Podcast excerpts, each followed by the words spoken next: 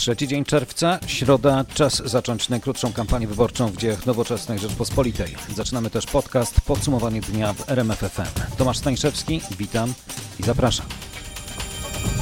Czekaliśmy, czekaliśmy i doczekaliśmy się. Marszałek Sejmu Elżbieta Witek przemówiła. Stanowi się, co następuje. Paragraf pierwszy. Zarządzam wybory prezydenta Rzeczypospolitej Polskiej. Paragraf drugi. Datę wyborów wyznaczam na niedzielę dnia 28 czerwca 2020 roku. Paragraf trzeci. Dni, w których upływają terminy wykonania czynności wyborczych określa kalendarz wyborczy. W tym kalendarzu do piątku, 5 czerwca, mija termin na utworzenie nowego komitetu wyborczego. Do 10 czerwca można zgłaszać nowych kandydatów. Do 21 PKW będzie mogła wydać uchwałę o organizacji na terenie gminy lub też jej części głosowania wyłącznie korespondencyjnego. Decyzja w tej sprawie będzie zależna od aktualnej sytuacji epidemicznej. Do wtorku 16 czerwca możemy zgłaszać komisarzowi wyborczemu zamiar głosowania korespondencyjnego. W przypadku osób przebywających za granicą ten termin mija wcześniej, w sobotę 13. 26 czerwca o północy natomiast kończy się kampania wyborcza. Pierwsza tura wyborów prezydenckich 28 czerwca w godzinach 7-21. Druga tura, jeżeli będzie potrzebna, 12 lipca. Przed nami zatem najkrótsza kampania wyborcza 25 dni walki o głosy wyborców. Dzisiaj zaczynamy tę drogę. Rafał Trzaskowski do tej wyborczej drogi gotowy, zapewnia Polska potrzebuje zmiany. Potrzebuje silnego prezydenta, który będzie patrzył władzy na ręce. Ja nie chcę zjednoczonej prawicy. Ja nie chcę zjednoczonej opozycji. Ja chcę zjednoczonej Polski. Wreszcie. Teraz jest czas próby. Ja do tego czasu próby jestem od dawna przygotowany. To będą ważne wybory. To będą wybory, które będą wyborami cywilizacyjnymi. Deklarowałem wielokrotnie, że każda data wyborów jest dobra, pod warunkiem, że wybory będą poprzedzone uczciwą kampanią wyborczą. Mówili Rafał Trzaskowski, Szymon Hołownia, Władysław Kośniak-Kamysz, Robert Biedroń i Krzysztof Bosak o, jak słyszeliśmy, uczciwej kampanii wyborczej. To oni będą próbowali w prezydenckim starciu pokonać Andrzeja Dudę. On dziś w Urszulinie w Lubelskiem spotkał się z kołem gospodyń wiejskich. Zapewnił, że w tym roku 40 milionów złotych dla gospodyń trafi na pewno. Walka o głosy trwa, te wiejskie i te miejskie, bo wcześniej przed Urszulinem prezydent lansował centralny port komunikacyjny. Jestem przekonany, że stać nas na to, aby podjąć tą wielką szansę. Jesteśmy optymistami, umiemy spojrzeć w przyszłość. Od kilku dni prezydent i premier Mateusz Morawiecki systematycznie mówią o roli inwestycji publicznych w walce z kryzysem. Zaplecze prezydenta zrobiło sondaże i podjęło decyzję o tym właśnie kierunku prezydenckiej kampanii. Pytanie o samodzielność prezydenta to będzie właśnie oś sporu w kampanii wyborczej. Tak mówi w RMFFM politolog profesor Wawrzyniec-Konarski. Gość Marcina Zaborskiego przekonywał, że druga tura w wyborach jest w zasadzie pewna, a Andrzej Duda może ją przegrać. A porównania z Bronisławem Komorowskim z 2015 roku są tutaj naprawdę uzasadnione? To się da porównać te dwie kampanie? Częściowo tak, dlatego że ja wielokrotnie zarzucałem tej kampanii sprzed pięciu lat, że jest ona po stronie Komorowskiego kampanią bardzo reaktywną, szalenie mało wyprzedzającą oczekiwania także samych wyborców ówczesnego prezydenta. On przegrał w dużym stopniu na własne życzenie, bo był prawie, że, no był pewniakiem, tak można powiedzieć. I zmarnował tę sytuację także dlatego, że miał wyjątkowo kiepski skład doradców wokół siebie. W pewnym sensie mogę powiedzieć, że trochę kampania Andrzeja Dudy też mi to przypomina, bo Andrzej Duda stracił tę dynamikę, jaką miał wcześniej. Tyle tylko, że ta dynamika w jego wydaniu wcześniejszym wynikała z tego, że pozostali kandydaci praktycznie tej kampanii nie prowadzili. Co mogą zmienić te wybory? Po zabawach terminem, jakiej możemy 28 czerwca spodziewać się frekwencji? Z pewnością te wybory mają rangę wyborów przełomowych, nie mam żadnych wątpliwości co do tego. Natomiast jak zapewne pan wie, ja zawsze byłem bardzo ostrym krytykiem zachwytów nad dojrzałością polskiego społeczeństwa obywatelskiego, co zresztą lansowało wielu polityków identyfikowanych z trzecią Rzeczpospolitą. Czyli rekordu nie Skoro pan będzie? pyta o liczbę, myślę, że te wybory mają szansę osiągnąć przynajmniej, mówię o frekwencji, przynajmniej poziom ten, który właśnie był w poprzednich wyborach parlamentarnych. Parlamentarnych, czyli ponad 60%. Choć Gdyby jesteśmy w sytuacji y, zupełnie innej, no bo y, epidemia wciąż z nami jest. To prawda, więc jak mówię, jeśli te, ten wynik będzie właśnie taki jak poprzedni, to jest to bardzo, bardzo dobry wynik. Profesor Wawrzyniec-Konarski i Marcin Zaborski. Cała rozmowa na rmf24.pl. Prezydent opatruje y, ten, ten wątek kampanii hasłem ambitna Polska. Mówi, że centralny port komunikacyjny to jest jak budowa Gdyni w drugiej e, Rzeczypospolitej i że to jest 150 tysięcy miejsc y, pracy. Tak, ale pamiętajmy o tym, y, bo o tym jakoś ten rząd nie chce pamiętać, że większa część, zdecydowanie duża część, zdecydowana większość obywateli mieszkających, Polski mieszkających na tym obszarze, w referendach, które były tam urządzone, była przeciwko budowaniu y, tego portu. Nie ma w tej kwestii również konsensu, y, jak wiem, nie tylko wśród polityków, polityków z różnych opcji oczywiście, ale także i wśród fachowców. Proszę zauważyć, to będzie kolejny port, który będzie się miał znajdować właśnie w centralnej Polsce, a poza tym osobiście jestem sceptyczny, jeśli chodzi o to, czy tego typu port w Warszawie mógłby rywalizować na przykład z Berlinem, z Frankfurtem czy z y, Moskwą. Więc krótko mówiąc, ja jestem sceptyczny początku wobec tego pomysłu, uważając go za pomysł bardziej polityczny niż gospodarczy, mający oczywiście przyciągnąć wyborców do tej partii. Panie profesorze, co się stało z kampanią Roberta Biedronia?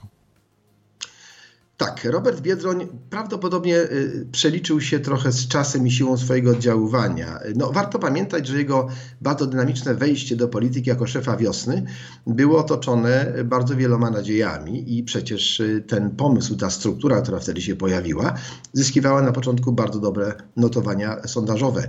Myślę, że zaważyły na tym y, jego mm, w jakimś stopniu chybotliwe decyzje, takie może określę, albo nie do końca wynikające albo nie pokazujące, że ma on pewien y, skrupulatnie przygotowany plan.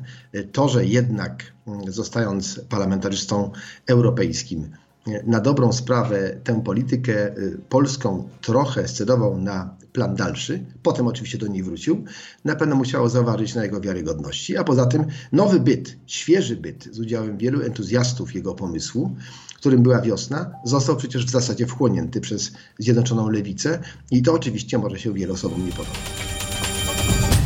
A propos epidemii, która jak słyszeliśmy cały czas z nami jest, 3 czerwca Ministerstwo Zdrowia poinformowało o 292 nowych przypadkach zakażenia w Polsce i kolejnych 23 ofiarach.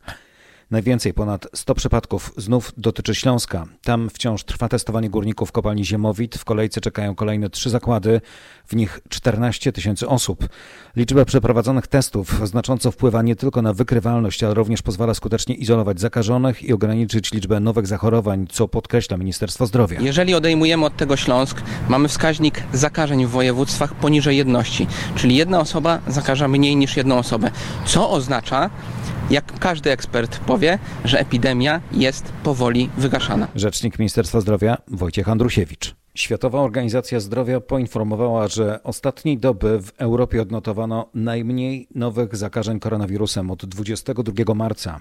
A to m.in. zasługa takich osób jak dr Maciej Tarkowski, to polski biolog medyczny, członek zespołu naukowców z Mediolanu, którzy wyizolowali włoski szczep koronawirusa. Polak został wyróżniony przez prezydenta Włoch Sergio Mattarelle krzyżem kawalerskim za zasługi w walce z epidemią. Nazwisko Tarkowskiego znalazło się dziś na liście ogłoszonej przez Pałac Prezydencki Italii. Trzeci dzień czerwca 2020 roku to dla Włochów data symboliczna, bo od dziś mogą już przemieszczać się pomiędzy regionami, a także otwierają granice Italii. To bez wątpienia optymistyczny dzień, ale obawy wciąż pozostają, mówi nam Patrycja Szwed, Polka mieszkająca w Mediolanie. Myślę, dużo ludzi będzie się mimo wszystko obawiało, ponieważ ta trauma po tym koronawirusie zostanie i myślę, że ludzie, którzy będą się przemieszczać, to często będą ludzie, którzy jeżdżą do rodzin w innych regionach. W tym roku na pewno będą to troszeczkę inne wakacje. Powiedzmy, że mamy jeszcze dalej ograniczenia w głowie i te ograniczenia będzie trudniej znieść niż te ograniczenia prawne. Sama ta świadomość, że mogę, to chyba nastraja optymistycznie, nawet jeśli się z tego nie skorzysta w najbliższym czasie. No tak, zdecydowanie. Tak jak mówiłam, daje to pewną nadzieję nawet, że mm, już skoro otwierają, to znaczy, że nie ma już aż tak dużego ryzyka, że mamy szansę na powrót do normalności. Z Patrycją Szwed rozmawiał nasz reporter Krzysztof Kot. Władze stołecznego Lacjum zapowiedziały mierzenie temperatury pasażerom pociągów, samolotów i statków. Nie będą mogły wyruszyć w podróż osoby z temperaturą powyżej 37,5 stopnia, zaś przyjeżdżający będą w takim przypadku kierowani do domowej izolacji i na badanie na obecność koronawirusa. Na Sardynii, której gubernator chciał początkowo wprowadzić paszport sanitarny potwierdzający brak wirusa, obowiązywać będzie teraz skrupulatny system kontroli i rejestracji wszystkich przyjezdnych, umożliwiający ustalenie dokładnego miejsca ich pobytu.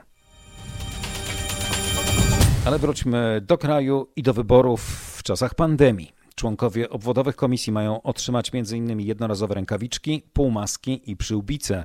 Zakłada to projekt rozporządzenia Ministerstwa Zdrowia. Jednorazowe rękawice ochronne w liczbie, uwaga, zapewniającej każdemu członkowi komisji ich zmianę co godzinę. Półmaski filtrujące FFP1 tyle sztuk, by można je zmieniać zgodnie z czasem używania określonym lub zalecanym przez producenta. Przyłbice, a także płyn do dezynfekcji rąk w ilości zapewniającej możliwość dezynfekcji rąk każdorazowo przed założeniem i po zdjęciu rękawiczek, przy czym konieczność użycia co najmniej 3 ml płynu dezynfekującego na jednorazową dezynfekcję. Ten projekt przewiduje też powierzchnię lokalu wyborczego dostosowaną do liczby członków obwodowej komisji wyborczej oraz liczby innych osób, które będą przebywały w tym lokalu, ale nie więcej niż jedna osoba na 15 m2 powierzchni. W regulacji zapisano także wymóg, uwaga, wymiany powietrza przez okna wyposażone w mechanizm pozwalający na ich otwieranie w łatwy sposób, czyli po prostu wietrzenie lokalu co najmniej raz na godzinę przez co najmniej 10 minut oraz przed przystąpieniem obwodowej komisji wyborczej do pracy. A to wszystko jest w rozporządzeniu Ministerstwa Zdrowia wydanym po dzisiejszym wystąpieniu marszałek Sejmu Elżbiety Witek. Ona atakowała dziś Senat, samorządy i opozycję. Destabilizacja państwa i ten ciągły chaos i awantura ze strony opozycji, y, ona trwa nadal, bo dzisiaj dowiadujemy się z ust pana marszałka Grodzkiego w wypowiedzi dla Polskiej Agencji Prasowej, że jeśli zwycięży w wyborach prezydenckich kandydat opozycji, to możliwe są wcześniejsze wybory. Więc proszę Państwa, jeżeli nie można wygrać z prawem i sprawiedliwością w uczciwej rywalizacji podczas kampanii przy urnie wyborczej, to widać, że opozycja chwyta się wszelkich możliwości, żeby przejąć władzę. Bo cóż to ma oznaczać? To oznacza, ta wypowiedź pana marszałka Grodzkiego oznacza nic innego jak to, że gdyby prezydentem został kandydat opozycji, to na pewno wyklucza to dobrą współpracę z rządem. A tylko dobra współpraca prezydenta z rządem w tej trudnej sytuacji daje gwarancję odbudowy polskiej gospodarki i tego, że poradzimy sobie szybko z tym kryzysem wywołanym przez koronawirusa. A czy opozycja poradzi sobie z kryzysem wywołanym wymianą kandydata na prezydenta? Małgorzata Kidawa-Błońska jak nikt inny zapłaciła polityczną cenę za wezwanie do bojkotu wyborów 10 maja. Tak były przewodniczący Platformy Obywatelskiej Grzegorz Schetyna odpowiadał dziś w RMFFM na pytanie Roberta Mazurka o kulisy wymiany kandydatów, powołując się na słowa obecnego szefa Platformy Borysa Budki cytuję, uderzył pan w Małgosię, chodzi o Małgorzatę Kidawę-Błońską, jeszcze w kwietniu i Małgosia bardzo mocno to przeżyła, była naprawdę przybita. No, nie będę komentował słów przewodniczącego, on jest za nie, są jego autorstwa i proszę jego pytać o, e, o to, co chciał powiedzieć e, używając tych cytatów. Kiedy był pan tutaj ostatni raz, gwarantował pan, że nie zmienicie kandydata, że Małgorzata Kidawa-Błońska jest i będzie waszą kandydatką, a było to już po tych wyborach, których nie było po 10, e, po 10 maja. No i co się stało? Uważałem, że jest możliwy restart kampanii e, Małgorzaty Kidawy-Błońskiej. A jednocześnie ją pan dobijał? Nie, uważałem, że jest możliwy, bo ta kampania na nowo się zaczynała. Jak zakończył się ten wątek? Zobaczcie na rmf24.pl. Na naszej stronie jest całe nagranie wideo rozmowy Mazurek z Chetyna.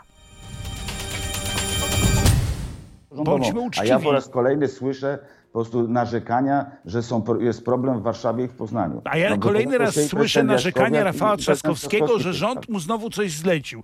Za każdym razem, kiedy coś trzeba zrobić, Rafał Trzaskowski i niektórzy inni, ale głównie on, politycy Platformy, mówią, to straszne, my musimy coś robić. Jak rozumiem, według, nie wiem, pani Dulkiewicz, pana Trzaskowskiego, działalność prezydenta miasta polega na przecinaniu wstęg i otwieraniu, e, otwieraniu mostów, które wybuduje oczywiście ktoś inny, bo przecież my się nie będziemy tym trudzić. Ale Widział pan redaktor, przecież można zorganizować, mieliśmy takie przykłady koabitacji samorządu i rządu z różnych opcji politycznych wcześniej. Nie było takich sytuacji jak teraz. Nie ja było takiego, ma, ma pan rację, nie było, było takiego narzekania jak jest teraz. Jakiś, ciągle, ciągle jest jakiś kłopot. Znaczy, nie może być tak, a i to przy pandemii bardzo wyraźnie, bardzo wyraźnie było widać. No nie może być tak, że e, administracja rządowa chce tworzyć i robi politykę wykorzystując y, samorząd, tak? Czy no. zlecając, czy nakazując pewne zachowania i Ale działania jak to? Na tym polega To widać na tym polega istota samorządu. wyraźnie, Czy w ogóle problemie oświaty. No nie, na tym polega istota samorządu, że na przykład odpowiada za szkoły.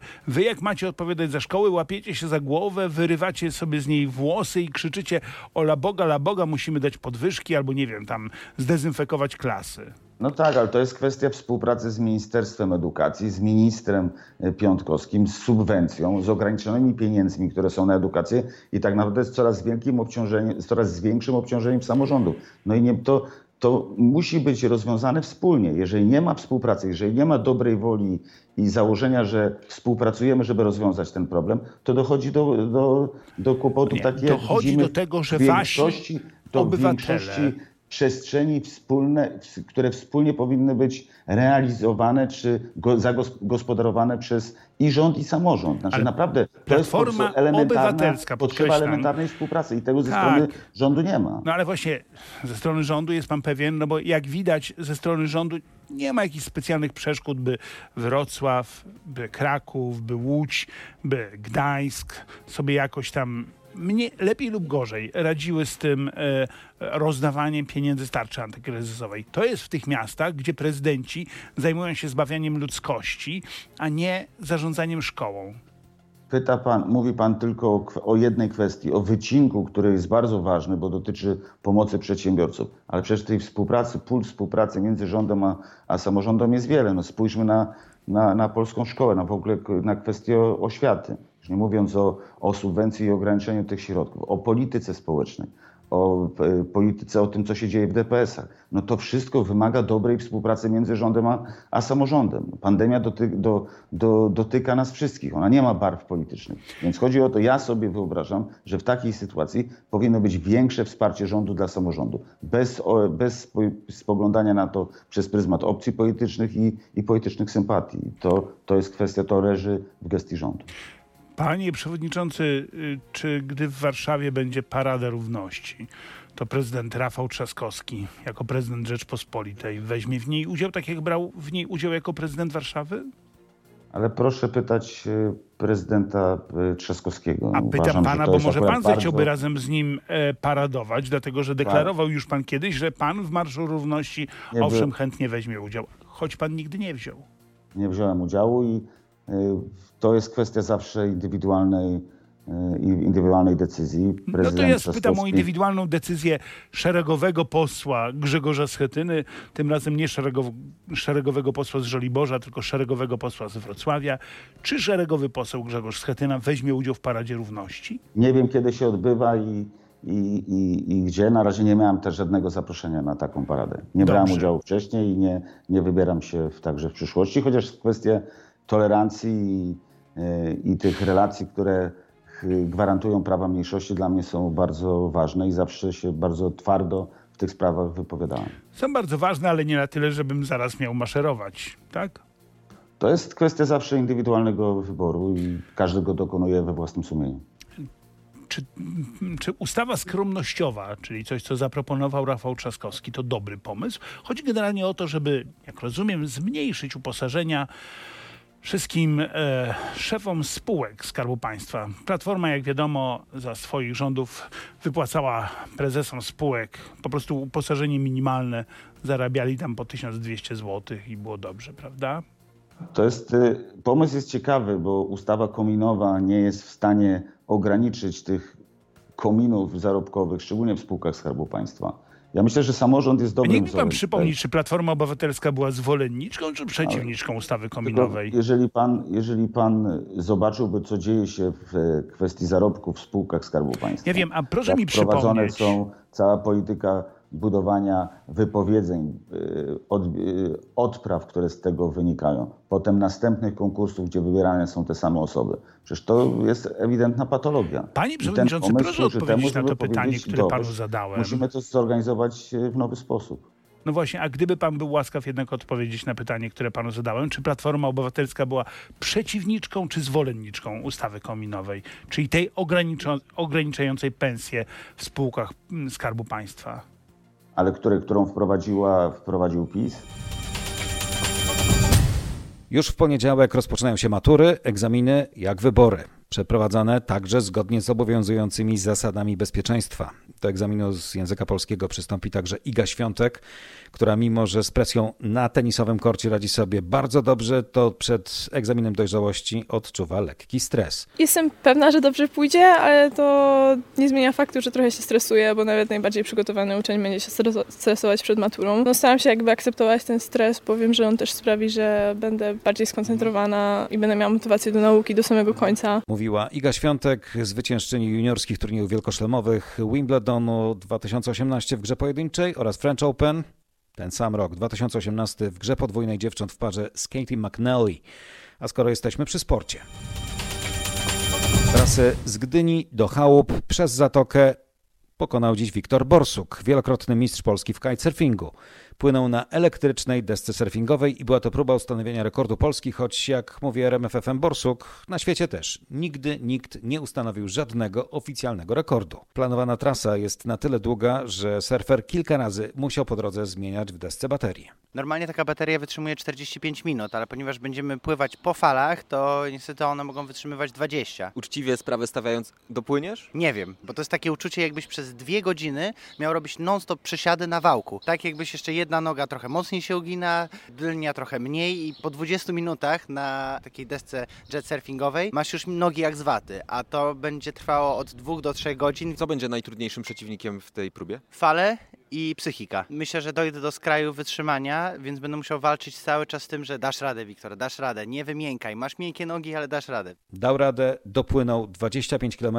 i 20 metrów, dokładnie taki dystans po falach z Gdyni do chałup. Pokonanie trasy zajęło niespełna 3 godziny. Mam dosyć spore doświadczenie, jeżeli chodzi o wodę, związane ze swoimi sportami, czyli tym kitesurfingiem, który zawodowo uprawiałem 15 lat. Natomiast na samym jetsurfingu nigdy. Nigdy na morzu, a dwa razy w życiu. No to mam powiedzmy 90 minut doświadczenia. Mamy więc pierwszy rekord tego lata ustanowiony jeszcze wiosną. Wiktor Borsuk to siedmiokrotny mistrz Polski w kitesurfingu, najbardziej utytułowany zawodnik freestylu w Polsce czego dowiódł po raz kolejny. Dziękuję za podsumowanie dnia w RMFFM. Zapraszam na jutro. Wszystkie najważniejsze fakty oczywiście w radiu RMFFM i na dobrze poinformowanej stronie w sieci rmf24.pl. Polecam.